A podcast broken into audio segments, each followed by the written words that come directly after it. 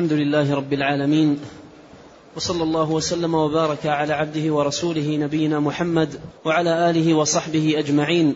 أما بعد فيقول شيخ الإسلام ابن تيمية رحمه الله تعالى في العقيدة الواسطية ويأمرون بالصبر عند البلاء والشكر عند الرخاء والرضا بمر القضاء ويدعون إلى مكارم الأخلاق ومحاسن الأعمال ويعتقدون معنى قوله صلى الله عليه وسلم أكمل المؤمنين إيمانا أحسنهم أخلاقا.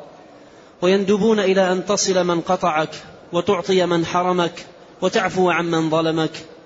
ويأمرون ببر الوالدين وصلة الأرحام وحسن الجوار والإحسان إلى اليتامى والمساكين وابن السبيل والرفق بالمملوك.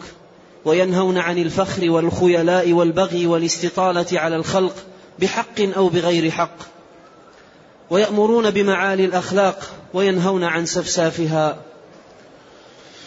الحمد لله رب العالمين وأشهد أن لا إله إلا الله وحده لا شريك له وأشهد أن محمدا عبده ورسوله صلى الله وسلم عليه وعلى آله وأصحابه أجمعين. أما بعد فهذه من الأمور العظيمة والخصال المباركة ومحاسن هذا الدين وجماله ختم بها شيخ الإسلام ابن تيمية رحمه الله تعالى كتابه العقيدة الواسطية. وأشرت إلى أن الختم بهذا فيه دلالة أن صحة الاعتقاد تثمر سلامة العمل وحسن الخلق وجمال الأدب وأن من يأتي بهذه الأخلاق يأتي بها عن صحة اعتقاد وتقرب بها إلى الله سبحانه وتعالى. ولهذا نلاحظ في عبارات شيخ الإسلام ما يفيد هذا المعنى ويعتقدون ويرون ونحو ذلك من عباراته رحمه الله تعالى. فالعقيدة الصحيحة السليمة تثمر الأخلاق الفاضلة والآداب الكاملة والمعاملات الطيبة. وأن تقع هذه من العبد ديانة. وتقربا إلى الله سبحانه وتعالى لأن صاحب العقيدة السليمة ليس عنده ما يسمى عند بعض الناس أخلاق المصلحة أو الآداب التي لأجل المصالح يفعلها مدة طويلة أو قصيرة لمصالح معينة ومآرب. فصاحب العقيدة يأتي بهذه الأخلاق الفاضلة والآداب الكاملة ديانة وتقربا إلى الله سبحانه وتعالى وطمعا فيما عند الله.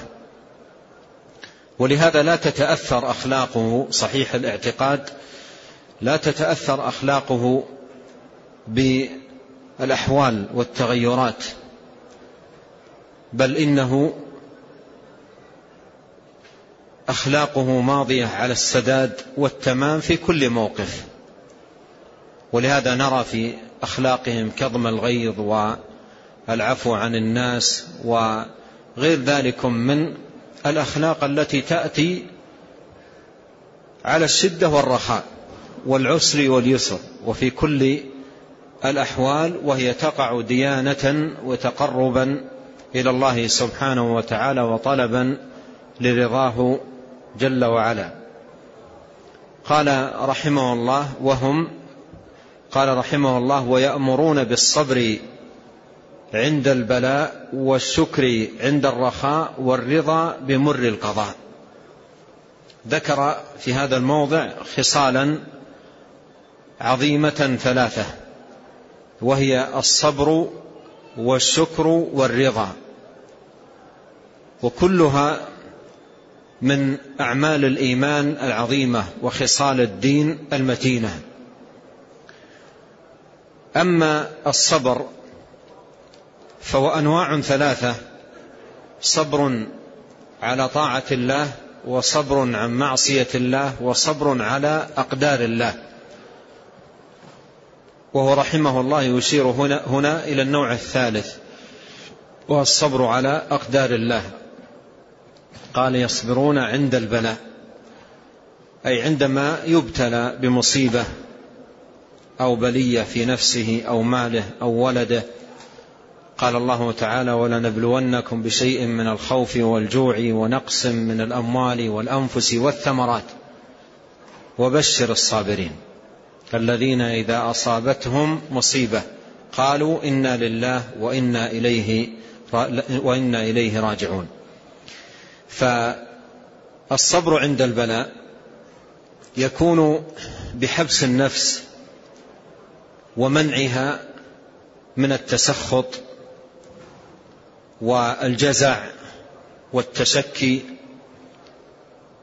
ومنع الجوارح من أعمال الجاهلية كشق الجيوب أو لطم الخدود ومنع اللسان من الدعاء بأي من دعاوى الجاهلية من نياحة أو عويل أو غير ذلك.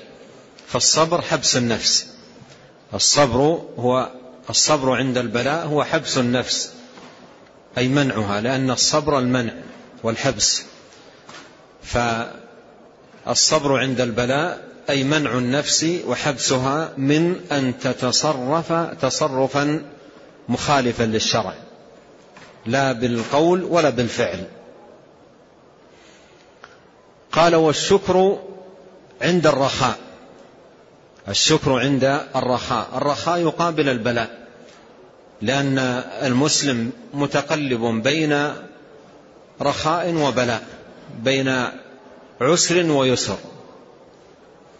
بين فرح وترح. فهو في البلاء صابر وفي الرخاء شاكر.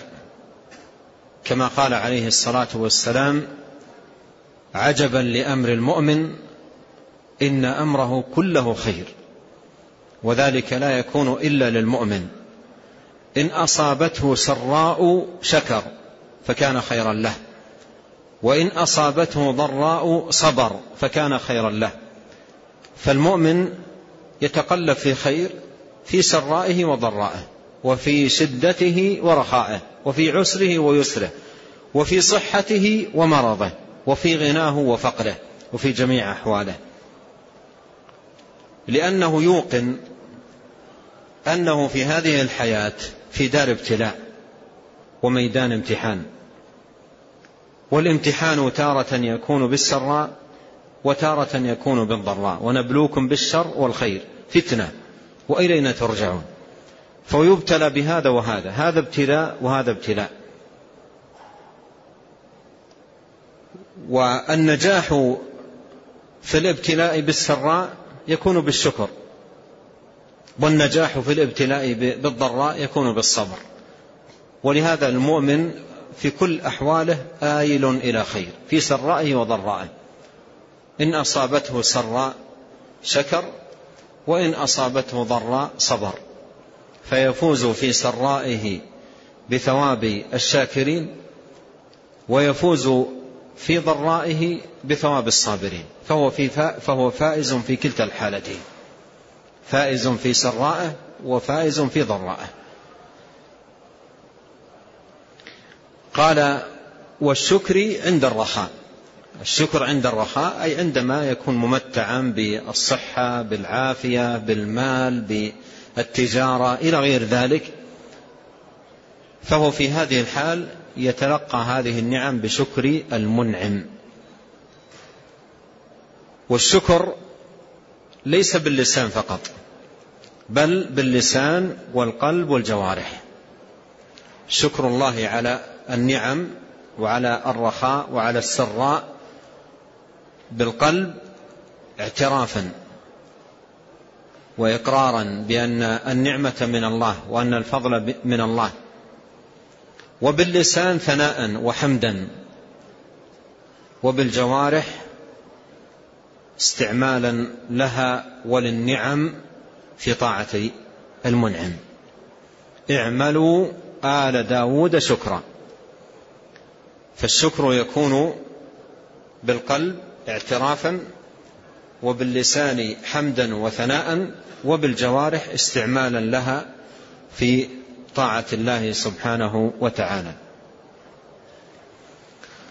والنعم إذا شكرت قرت وزادت وإذا كفرت فرت. وقد قال الله تعالى وإذ تأذن ربكم لئن شكرتم لأزيدنكم ولئن صبرتم وإذ تأذن ربكم لئن شكرتم لأزيدنكم ولئن كفرتم إن عذابي لشديد. قال رحمه الله والرضا بمر القضاء. والرضا بمر القضاء. وهذه درجة أعلى من درجة الصبر. لأن الصبر لأن المصيبة تتلقى بالصبر وهذا واجب. وتتلقى بما هو أعلى من ذلك وهو الرضا. وهذا مستحب في قول كثير من أهل العلم. الصبر الرضا على مر القضاء مستحب. الواجب هو الصبر. وأرفع من الصبر الرضا بمر القضاء. أي أن العبد يزيد على كونه صابرا أن يكون راضيا أن يكون راضيا. وهذه درجة عالية لا يبلغها كل أحد. وهي درجة مستحبة وليست بواجبة في قول كثير من أهل العلم. الرضا بمر القضاء. ومر معنا سابقا عند كلام المصنف رحمه الله على ثبوت الرضا رضي الله عنهم ورضوا عنه آه، ذكر أن الرضا نوعان رضا بالله ورضا عن الله. وأن الرضا بالله فرض من فرائض الإسلام عليه قيام الدين. والرضا عن الله سبحانه وتعالى فرع عن ذلك. ومتعلق الأول الأسماء والصفات ومتعلق الثاني الثواب والجزاء. قال ويدعون إلى مكارم الأخلاق ومحاسن الأعمال. يدعون أي أهل السنة إلى مكارم الأخلاق أي الأخلاق الكريمة. مكارم جمع مكرمة. فمكارم الأخلاق أي الأخلاق الكريمة الأخلاق الرفيعة التي دعا إليها الإسلام وجاء الحث عليها في القرآن وفي سنة النبي الكريم عليه الصلاة والسلام. قد قال عليه الصلاة والسلام إنما بعثت لأتمم مكارم الأخلاق أو صالح الأخلاق. يدعون إلى مكارم الأخلاق ومحاسن الأعمال أي الأعمال الحسنة الفاضلة يدعون إلى محاسن الأعمال أي إلى فعل والقيام بالأعمال الحسنة الفاضلة. ويعتقدون معنى قوله صلى الله عليه وسلم أكمل المؤمنين إيمانا أحسنهم خلقا. وهذا أورده كالدليل لما سبق.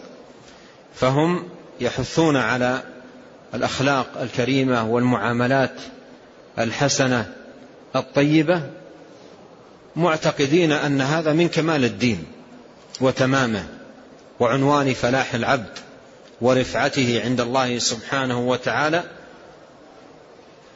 عندما يكمل نفسه ويتمم حاله بهذه الأخلاق الفاضلة الكريمة التي دعت إليها شريعة الإسلام. قال أكمل المؤمنين إيمانا. قوله أكمل يدل على تفاضل أهل الإيمان في الإيمان وأن الإيمان يزيد وينقص ويقوى ويضعف وأن مما يزيد به الإيمان حسن الخلق. فكلما اعتنى العبد بالأخلاق الفاضلة والآداب الكاملة كان ذلك زيادة في إيمانه. ورفعة في منزلته. وقد سئل عليه الصلاة والسلام عن أكثر ما يدخل أو يدخل به الجنة قال تقوى الله وحسن الخلق. وقال أقربكم مني منزلة يوم القيامة أحاسنكم خلقا. فالعبد يرتفع ترتفع درجاته وتعلو منازله عند الله سبحانه وتعالى بأخلاقه الفاضلة وآدابه الكاملة ومعاملاته الحسنة. قال أكمل المؤمنين إيمانا أحسنهم خلقا. أحسنهم خلقا. والخلق الفاضل منبعه القلب. منبعه القلب. القلب إذا كان معتدلا متحليا بالأخلاق العالية مثل الصبر والرضا والقوة والمحبة والرفق ونحو ذلك من المعاني انعكست هذه على جوارحه. ولهذا قوام الخلق قوام الخلق الفاضل والأدب الكامل القلب وهو منبع الفضائل. القلب منبع الفضائل ومعدن الأخلاق ومعدن الأخلاق. قال أكمل المؤمنين إيمانا أحسنهم خلقا.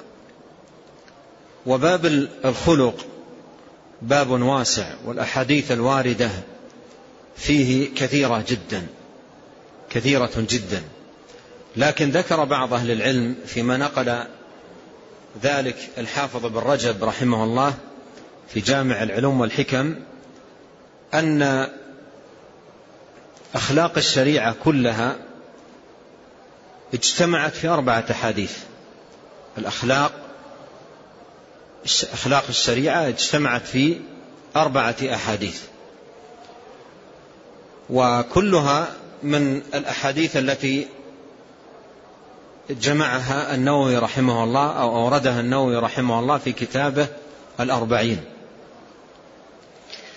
الحديث الأول قول النبي عليه الصلاة والسلام من حسن إسلام المرء تركه ما لا يعنيه. والحديث الثاني قوله عليه الصلاة والسلام لا يؤمن أحدكم حتى يحب لأخيه ما يحب لنفسه. والحديث الثالث قول النبي صلى الله عليه وسلم للرجل الذي طلب الوصية لا تغضب. والحديث الرابع قوله عليه الصلاة والسلام من كان يؤمن بالله واليوم الآخر فليقل خيرا أو ليصمت. فهذه الأحاديث الأربعة جمعت محاسن الأخلاق. جمعت محاسن الأخلاق بمعنى أن من وفق لفهمها والعمل بها كان كانت أسس الأخلاق الفاضلة والآداب الكاملة التي عليها تقوم متوفرة فيه مجتمعة فيه. فالأخلاق كلها ترجع إلى هذا هذه الأحاديث الأربعة. وسبق في بعض المجالس كلام مفصل عن وجه جمع هذه الأحاديث الأربعة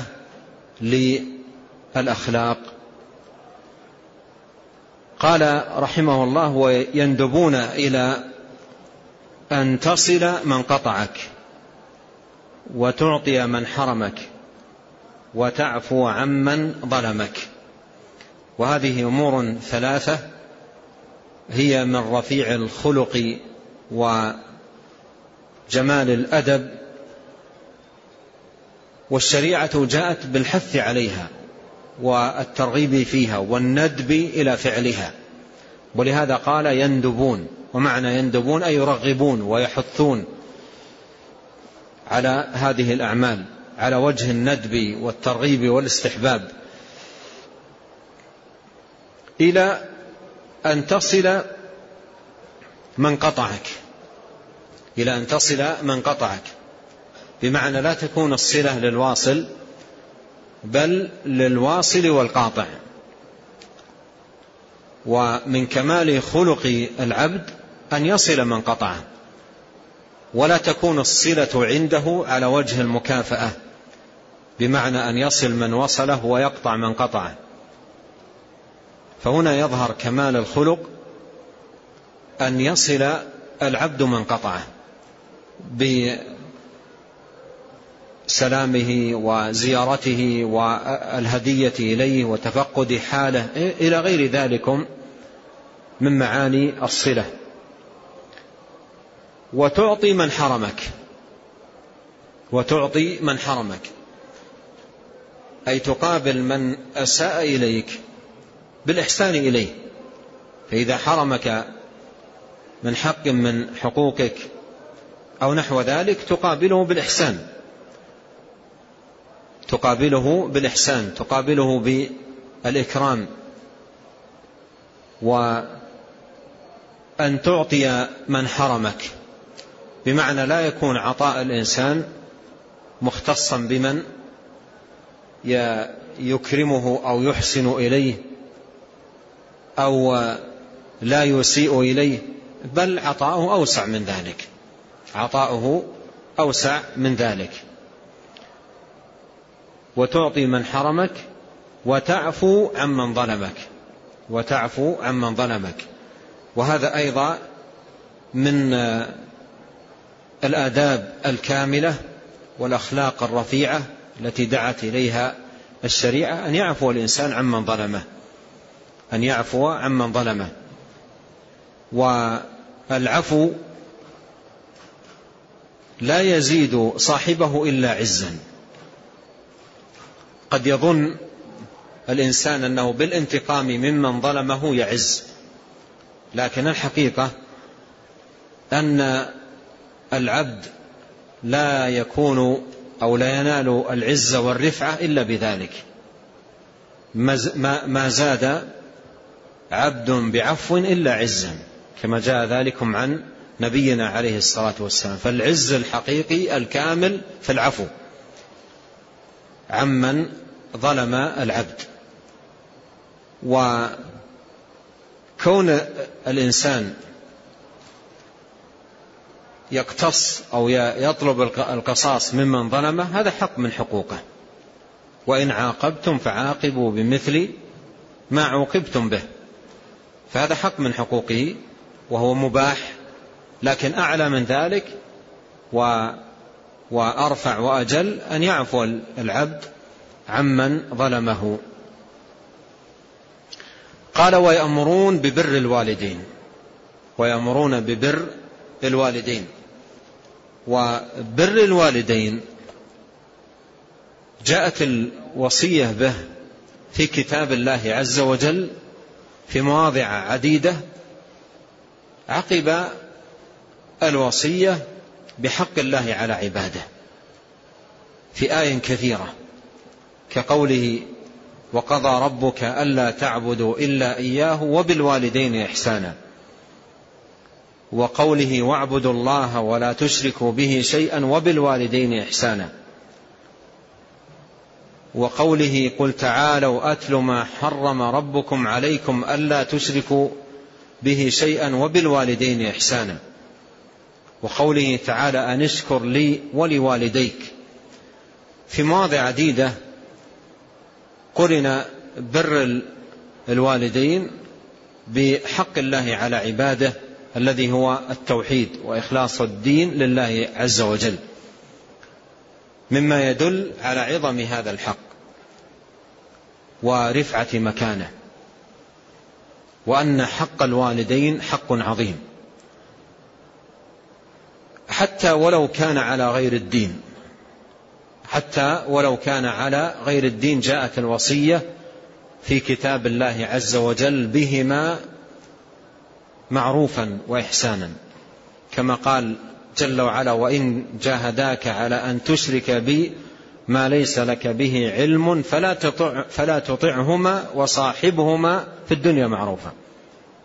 قال فلا تطعهما وصاحبهما في الدنيا معروفا. ما قال فعقهما. وهما مشركان يدعوانه إلى الشرك. ما قال عقهما؟ قال فصاحبهما في الدنيا معروفا. فكيف إذا كان الأبوان من أهل الإسلام؟ وكيف إذا كان الأبوان من عباد الله المتقين أهل العبادة وأهل الاستقامة وأهل الصلاح وأهل ارتياد المساجد وأهل الرفق وأهل اللين؟ فلا شك أن بر الوالدين والقيام بحقوق الوالدين والإحسان إلى الوالدين مطلب عظيم من مطالب الشريعة وهو من الدلائل أن هذا الدين العظيم المبارك دين الوفاء. دين الوفاء. كثير من كبار السن من الكفار أسلموا لما رأوا البر في بعض أبناء المسلمين. وعرفوا أن هذا الدين دين الوفاء. فالحق لا يضيع في الإسلام. وهذه الوالدة التي عانت ما عانت مع ولدها حملا ورضاعا وسهرا وتربية إلى غير ذلك من صنائع المعروف وجمائل الإحسان حقها لا يضيع. الشريعة جاءت بحفظ حقها. ورعايته والوصية به وأن الأم آه، حقها مقدم والبر بها مقدم على البر بكل إنسان. ولما جاء رجل إلى النبي عليه الصلاة والسلام وقال يا رسول الله من أحق الناس بحسن صحابتي؟ قال أمك. قال ثم من؟ قال أمك. قال ثم من؟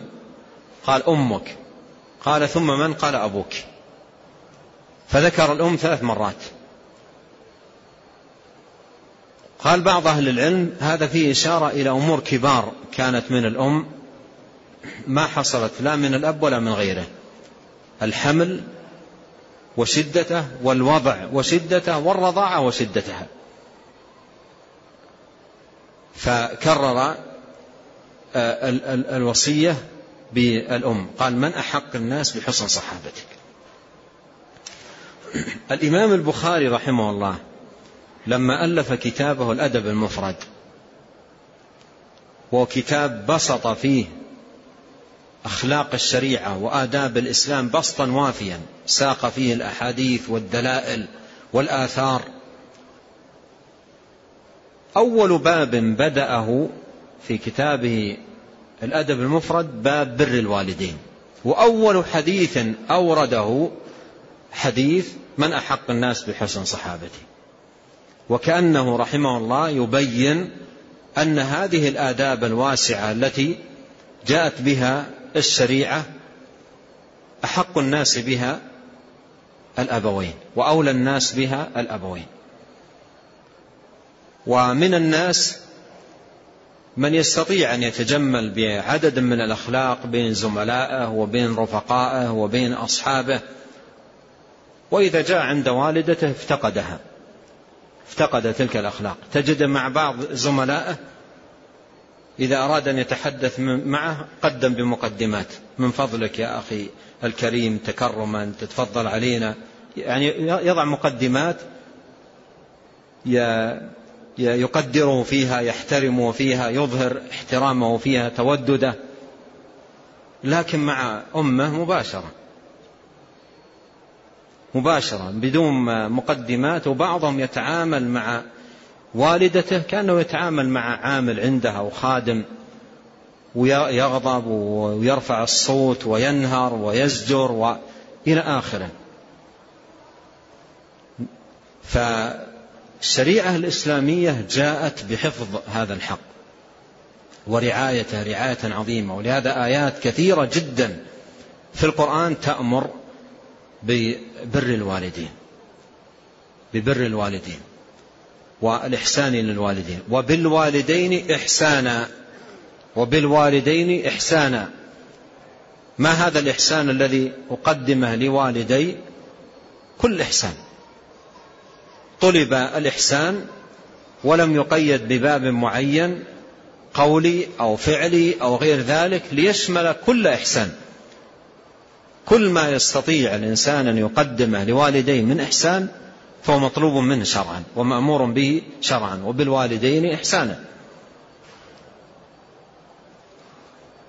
والآيات في في في هذا كثيرة جدا في الحث على بر الوالدين.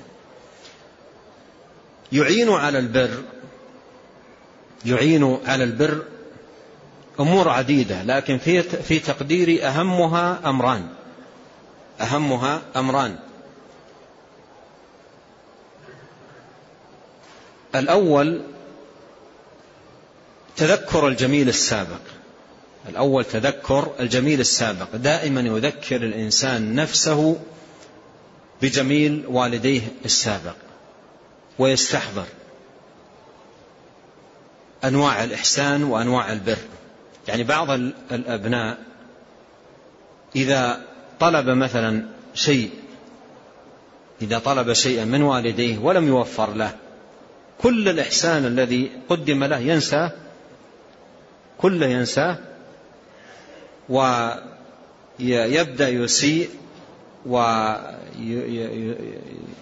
وتسوء معاملة لوالديه من أجل شيء معين طلبه ولم يوفراه له ربما لمصلحة من مصالحه. فإذا غفل الإنسان عن الجميل السابق إذا غفل عن جميع الجميل السابق أساء المعاملة. ولهذا من أهم قواعد البر بالوالدين أن يستحضر الإنسان الجميل السابق. تذكر حمل والدته له تسعة أشهر ثقل في بطنها حملته كرها ووضعته كرها.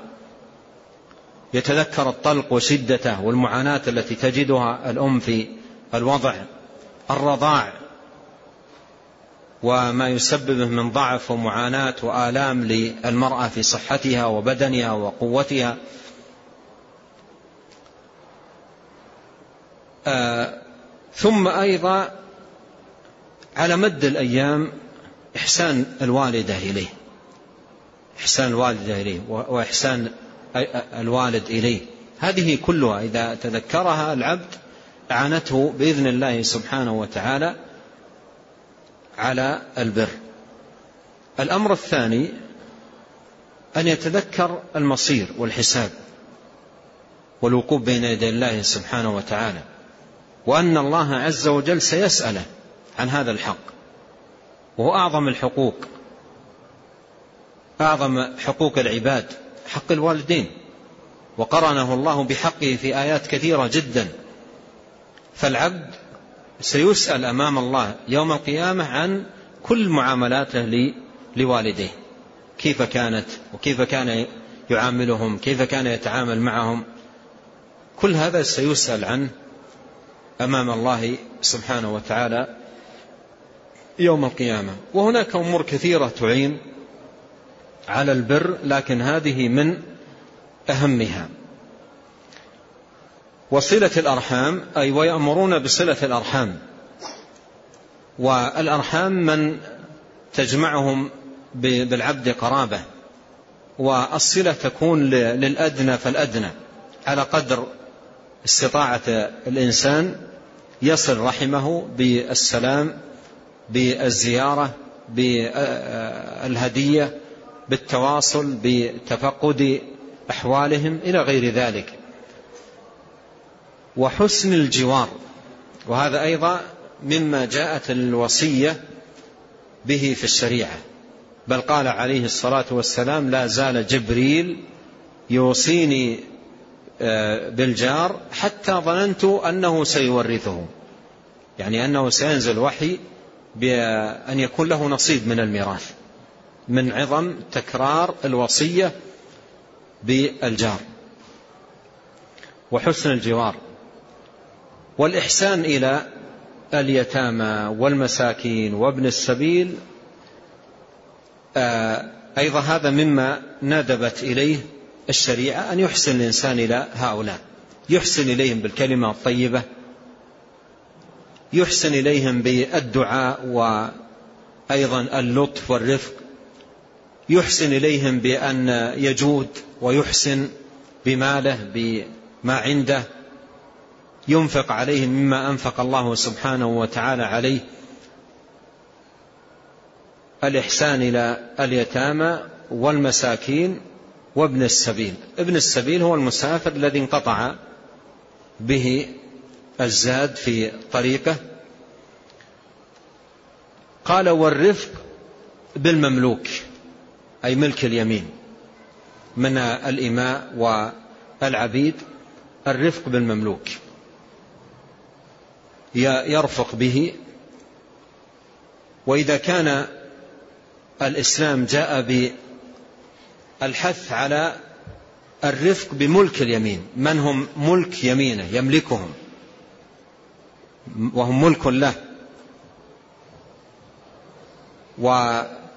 وله آه، استعمالهم في مصالحه في حاجاته في أموره في صنائعه. هم ملك يمينه.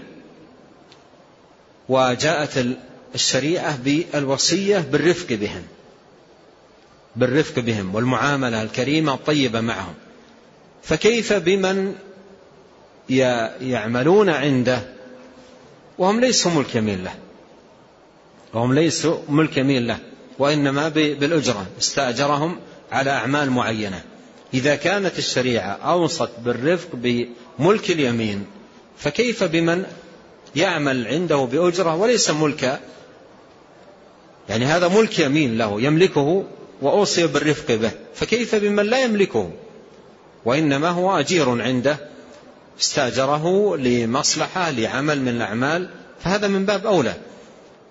فالرفق مطلوب من المسلم آه، وكما قال عليه الصلاة والسلام آه، ما دخل الرفق في شيء إلا زانه ولا نزع من شيء إلا شانه. وينهون عن الفخر والخيل والبغي والاستطالة على الخلق بحق أو بغير حق. أيضا مما جاءت الشريعة بالوصية به البعد عن التعالي على الناس والترفع عليهم والكبر والخيلاء والفخر على الناس الفخر بالأحساب أو الأنساب أو نحو ذلك. لا يفخر أحد على أحد بل كل يتذكر منة الله عليه. وأن الفضل بيد الله يؤتيه من يشاء والله ذو الفضل العظيم. والفخر والخيلاء ونحو ذلك كل هذه من رقة الدين وضعف الإيمان. وإلا لو قوي إيمان العبد لعلم أن ما عنده من خيرات وفضائل أو نحو ذلك هذه كلها محض فضل الله سبحانه وتعالى عليه. وينهون عن الفخر والخيلاء. آه الخيلاء يعني الترفع على آه الناس والتكبر عليهم والبغي وهو التعدي على آه على الناس والبغي والاستطالة على الخلق بحق أو بغير حق. الاستطالة على الخلق أي أن يتعالى ويترفع على الخلق فليس له ذلك لا بحق ولا بغير حق. لا بحق ولا بغير حق. إن كان آه، بغير حق إن كان بغير حق فهذا كذب وظلم وعدوان. وإن كان بحق فهو مذموم لما فيه من فخر وخيلاء وتعالي على الناس. الشريعة جاءت بالرفق بالتواضع بالإحسان باللطف بنحو هذه المعاني الكريمة. قال ويأمرون بمعالي الأخلاق وينهون عن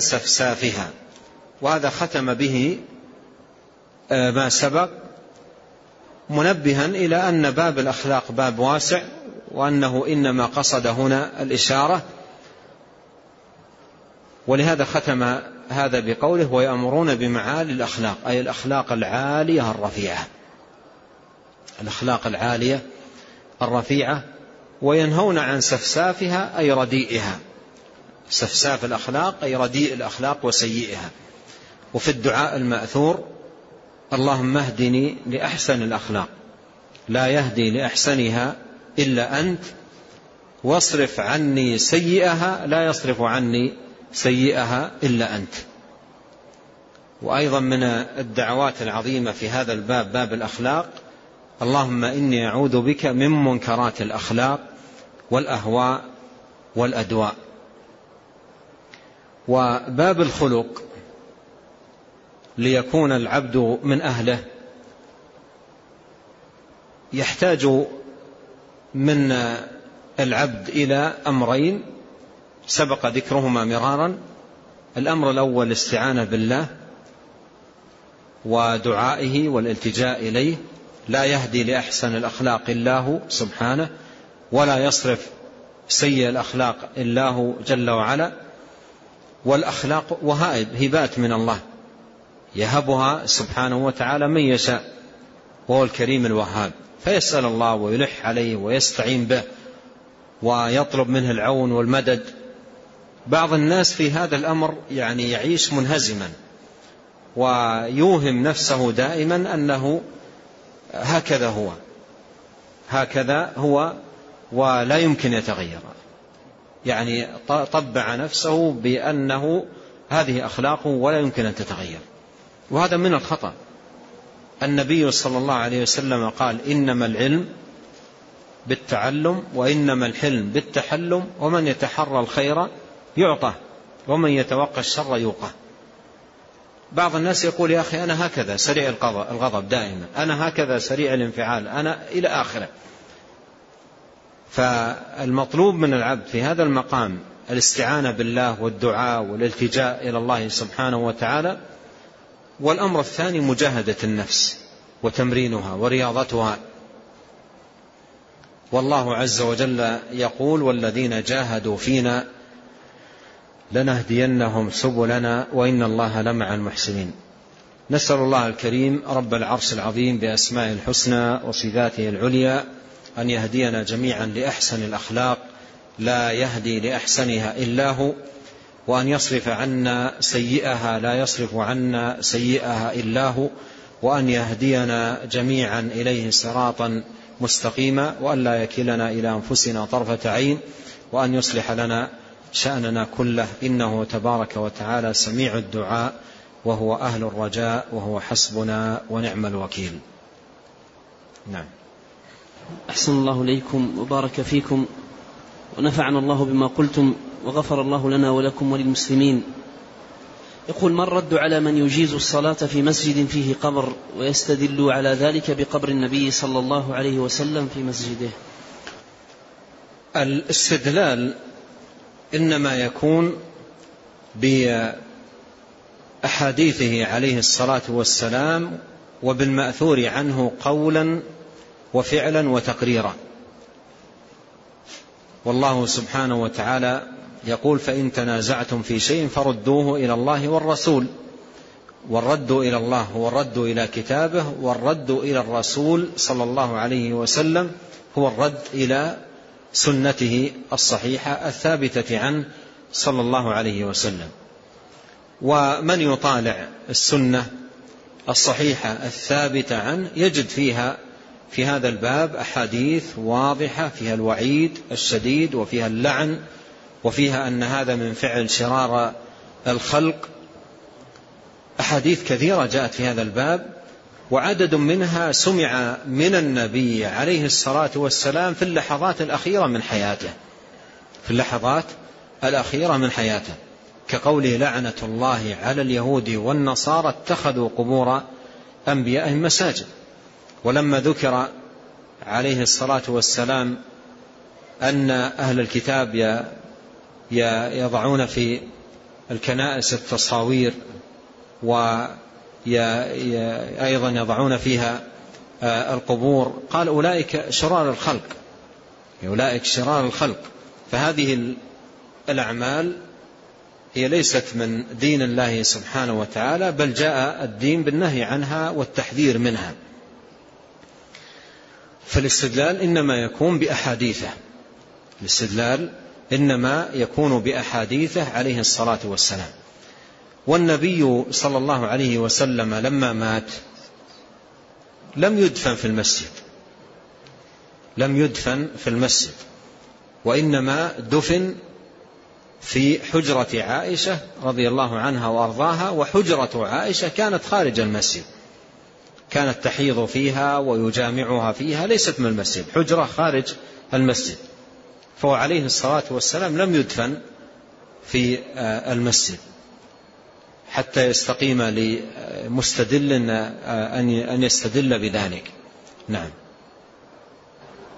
أحسن الله إليكم. يقول توفيت والدتي ولم ترني منذ أكثر من سنتين بسبب طلب العلم. لكنها كانت راضية عني غير أنها تمنت لو أني رجعت إليها. ويقول واستسمحتها قبل موتها فسامحتني علما أني كنت سببا في حسن خاتمتها فهل علي من شيء في كوني لم أرجع إليها؟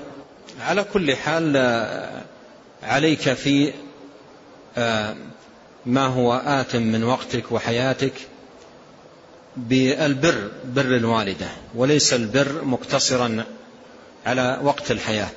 بل البر بالوالدة حية وميتة. وتذكر أنك يعني أحسنت إليها في وكان لك يعني تواصل معها مما له أثر في حسن الخاتمة بتوفيق من الله. وهذه من ثمار العلم. هذه من ثمار العلم وآثاره آه، المباركة.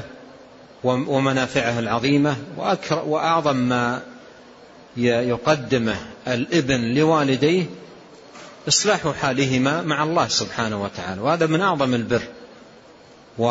ولا يكون هذا إلا بالتعلم والتفقه في دين الله. فإذا تذكر أن أنهم كانوا كانت عنك راضية في غربتك في طلب العلم وأنت متواصل معها واستسمحت هذه كلها معاني طيبة وعليك أن تحرص على مزيد البر بها والإحسان إليها بكل ما تستطيعه وأعظم ذلك الدعاء والاستغفار. نعم. أحسن الله إليكم. يقول طلبت من والدي أن يأذن لي بالرحلة في طلب العلم فأذن على مضض وإرضاء لي فقط فهل يعد هذا من العقوق؟ إذا كان على مضض فهذا ليس فيه دلالة على رضاهما عنك بهذا السفر. لكن ربما ألححت عليهما إلحاحا شديدا وأصررت وتعب من هذا الإصرار والإلحاح ووافقا وهما كارهين لذلك. والنبي صلى الله عليه وسلم قال لذلك الشاب اذهب فأضحكهما كما أبكيتهما. فهذا الذي تنصح به. إذا كان فعلا تعلم أنهما على مضض وألجأتهما إلى الموافقة بإلحاحك وإصرارك فالذي ينبغي عليك أن تذهب إليهما وتكسب رضاهما وإن أذن لك بطيب نفس وسماحة قلب فتجدد السفر مرة ثانية وإلا فحقهما ألزم. نعم. أحسن الله إليكم. ويقول آخر أنا طالب علم أدرس في المدينة لكن والدي يعارضان ويقولان أنهما يفتقداني مع العلم أني محتاج لتحصيل العلم هنا في هذا البلد لصعوبة التحصيل في بلدي. فما الحكم؟ آه تحرص على رضا الوالدين تحرص على رضا الوالدين وإذا كانت منع والديك لك آه، ليس عائدا إلى معاني تتعلق بهما من حاجة أو مصالح لهما أو حقوق لهما أحيانا تكون معارضة الوالدين بسبب أهواء مثلا أو بدع نشأ عليها. فسفرك في هذا الحال فيه خير لك ولوالديك لأنك إذا صلحت بالعلم وتسلحت به وتزودت منه وتقويت فيه كان هذا فيه النفع العظيم لك ولوالديك. خاصة إذا أكرمك الله بالرفق والمعاملة الحسنة وكم من طلاب العلم ومنهم سائل أشار قبل قليل إلى شيء من هذا من تغير أهله ووالديه وعدد من قرابته بفضل الله سبحانه وتعالى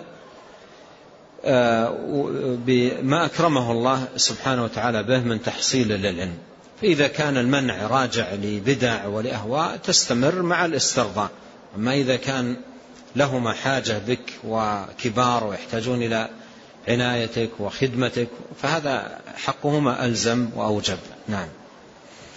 أحسن الله إليكم. يسأل عن التسمي باسم رزقي هل هو صحيح؟ ما أدري يعني عن التسمي بهذا والنسبة يعني كيف يعني وجهها. ليس عندي فيه شيء. لعله يسأل عنه أحدا غيري. نعم. أحسن الله إليكم. يقول هل من السنة صلاة ركعتين في المسجد النبوي بنية المغادرة؟ هل؟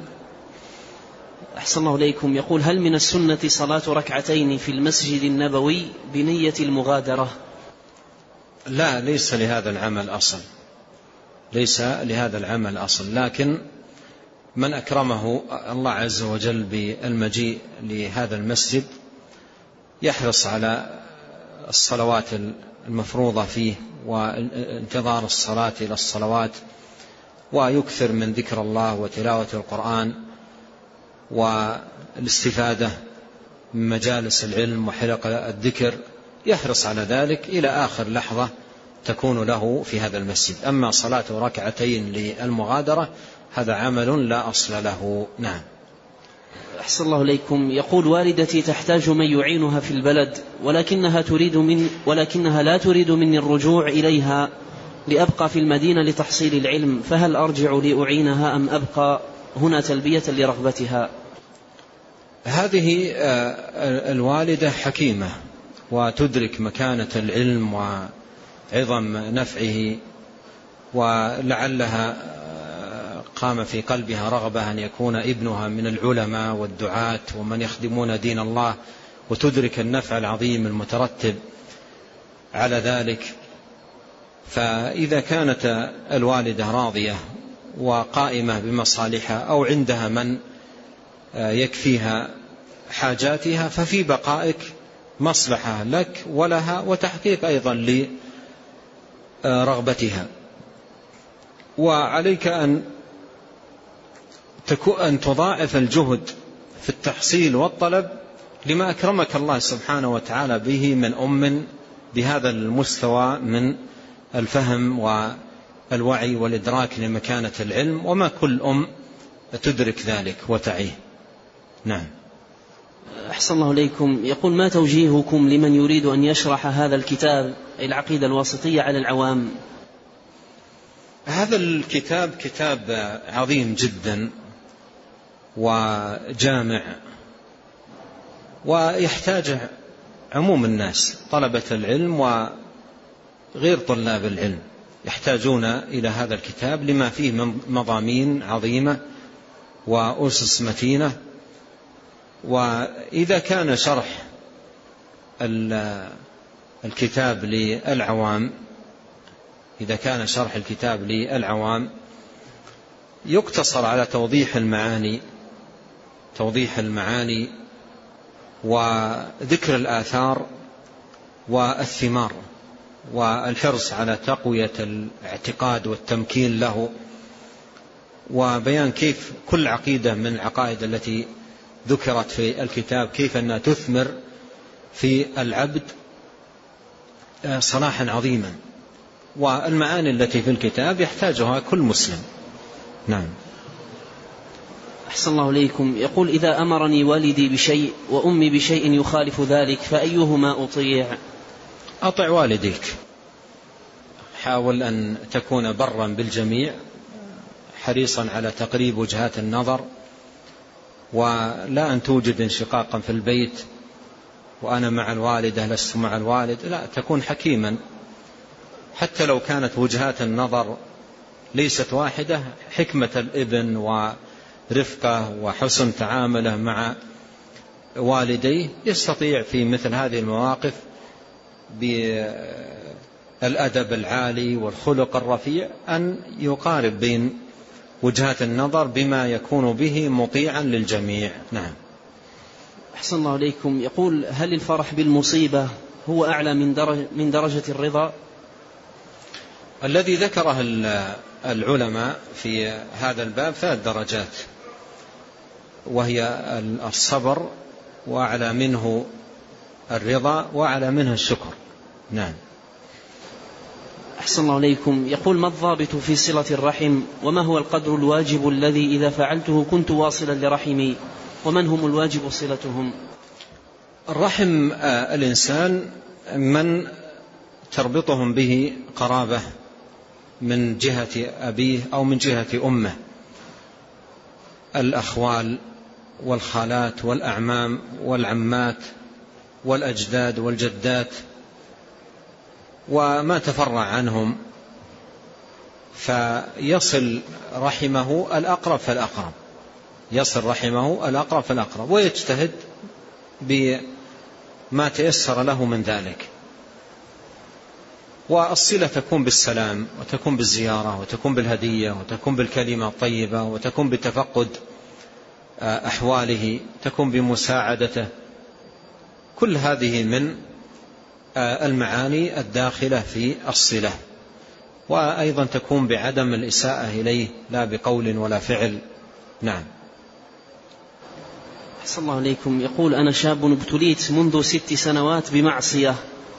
وإني كلما وقعت فيها عزمت على عدم العودة ولكن سرعان ما أعود فأرجو من فضيلتكم والطلب الدعاء أن يرفع الله عني هذا الأمر. أسأل الله عز وجل لأخينا هذا السائل أن يوفقه للتوبة النصوح وأن يعيده من شر نفسه وسيئات أعماله وأسأله تبارك وتعالى لنا جميعا التوفيق والسداد والعون على كل خير. وأن يصلح لنا شأننا كله وأن لا يكلنا إلى أنفسنا طرفة عين. اللهم أعنا ولا تعن علينا وانصرنا ولا تنصر علينا وامكرنا وامكر لنا ولا تمكر علينا واهدنا ويسر الهدى لنا وانصرنا على من بغى علينا. اللهم اجعلنا لك شاكرين لك ذاكرين. إليك أواهين منيبين لك مخبتين لك مطيعين. اللهم تقبل توبتنا واغسل حوبتنا وثبت حجتنا واهد قلوبنا وسدد ألسنتنا واسلل سخيمة صدورنا. اللهم اغفر لنا ولوالدينا ولمشايخنا وللمسلمين والمسلمات والمؤمنين والمؤمنات الأحياء منهم والأموات. اللهم آت نفوسنا تقواها وزكها أنت خير من زكاها أنت وليها ومولاها. اللهم إنا نسألك الهدى والتقى والعفة والغنى. اللهم إنا نسألك حبك وحب من يحبك. والعمل الذي يقربنا إلى حبك. اللهم اهدنا لأحسن الأخلاق لا يهدي لأحسنها إلا أنت. واصرف عنا سيئها لا يصرف عنا سيئها إلا أنت. اللهم اقسم لنا من خشيتك ما يحول بيننا وبين معاصيك ومن طاعتك ما تبلغنا به جنتك ومن اليقين ما تهون به علينا مصائب الدنيا. اللهم متعنا بأسماعنا وأبصارنا وقوتنا ما أحييتنا. واجعله الوارث منا واجعل ثأرنا على من ظلمنا وانصرنا على من عادانا ولا تجعل مصيبتنا في ديننا ولا تجعل الدنيا أكبر همنا ولا مبلغ علمنا ولا تسلط علينا من لا يرحمنا. سبحانك اللهم وبحمدك أشهد أن لا إله إلا أنت أستغفرك وأتوب إليك. اللهم صل وسلم على عبدك ورسولك نبينا محمد وآله وصحبه أجمعين.